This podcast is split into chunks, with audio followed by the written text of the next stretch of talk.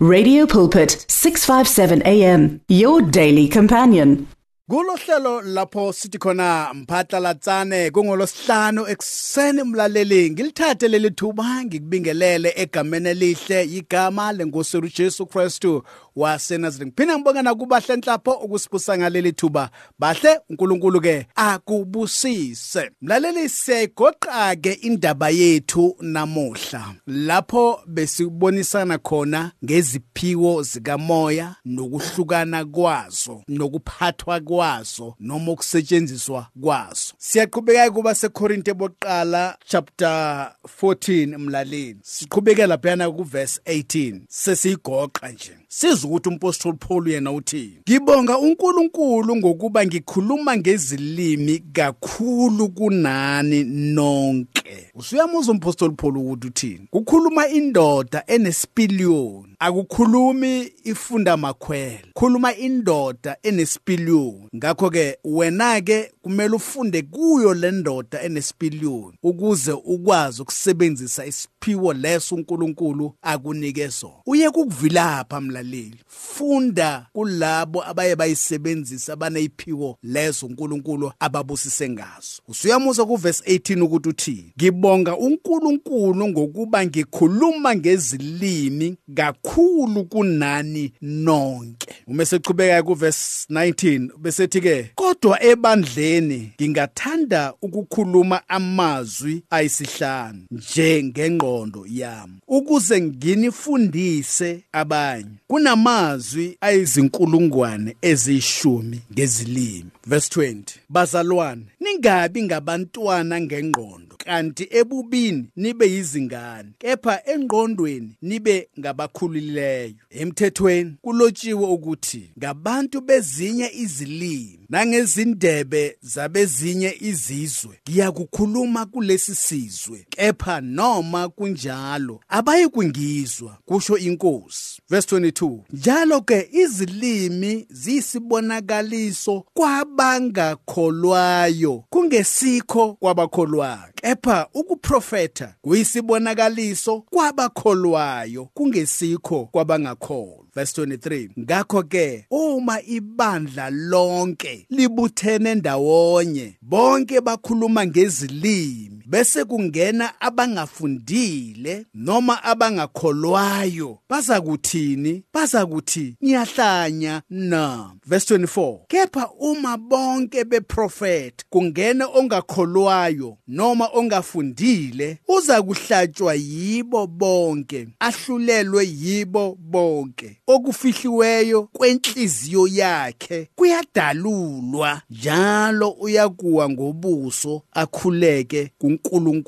aqinise athi impela uNkulunkulu ukhona phakathi kwethu kungaka umpostoli Paul agcizelela ekutheni isifiso sakhe kwangathi sonke singaprofeta kepha mlaleli ngiphinde ngisho ukuliloko ukuthi ukuprofeta akudilizi ibandla ukuprofeta akucabanisi imindeni. Ukuprofeta akucabanisi omakhelwane. Ukuprofeta ukwakha umuntu umakhe mlaleli. Nanoma engumthakathi uyakwazi ukumakha bese kuba uyena mlaleli ozokhuluma asho kuyophuma futhi kuye. Akudingeki kuze ngimphoqelele kwesisikhathi ngeze ngikhulume nangaye futhi ngikhulume nabanye ngithi uyambona loya? Uyathakatha loya? Ngibona loya? Uyathakatha? uNkulunkulu ungambulele? Uthi uyathakatha. Mlaleli abantu bese bambheka ngenye iso uyamlimaza uyamhlakaza nanoma ethakatha kodwa isidalwa sikaNkuluNkulu esidinga ukukhishwa ebuthakathini silethe ekukhanyeni. Bese kuba uyena ke mlaleli okuyophuma kuye. Uma umoya kaNkuluNkulu usumambulelile ukuthi manje songafakaza ke mlaleli ngezinto obowuzenza. Lalela ku verse 24 kepha bonke beprofeta kungene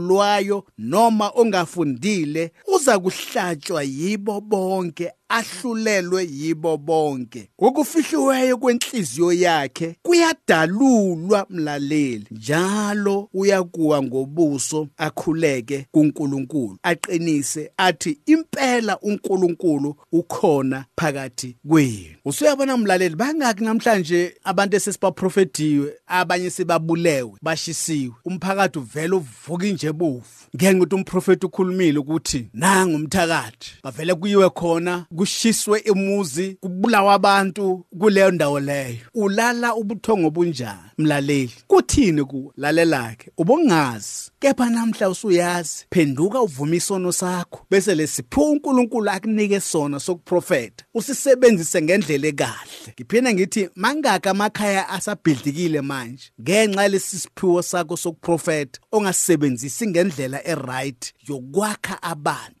Ngaprofetha mina. Hawu ngiyaprofetha uthola abantu baze bawugcwale ebandleni lapha bafuna ukwazi ukuthi bathakatha ubani because wena uloku ukhomba abantu ukuthi bayathakatha. Bafuna ukwazi. Abantu babuyele emakhaya. Uma bafika ekhaya babheka umamazala kabi. Umamazala uyangithakatha. Babheke abafowabo kabi. Abafowethu bangithakatha. Abamakoti babo bangithakatha. Babheke abomakoti kabi. Abomakoti bayathakatha. Babheke umlaleli sebenzisa isiphiwo leso uNkulunkulu akuphe sona ngendlela ekahle ukuze isizwe sakheke ukuze abomakhelwane bakheke ukuze ibandla lakheke. Naloyo mlaleli othi uyathakathwa akheke umakhe naye angaphumi asagcwele uze kuwe engenayo inzondo. Kodwa uma esesuka kuwe usuyabila mlaleli. Inzondo isigcwele kuyena. Ngenxa yokuthi wena umtshela ukuthi uthakatha mkele uzomyaza athi uyazi emsebenzini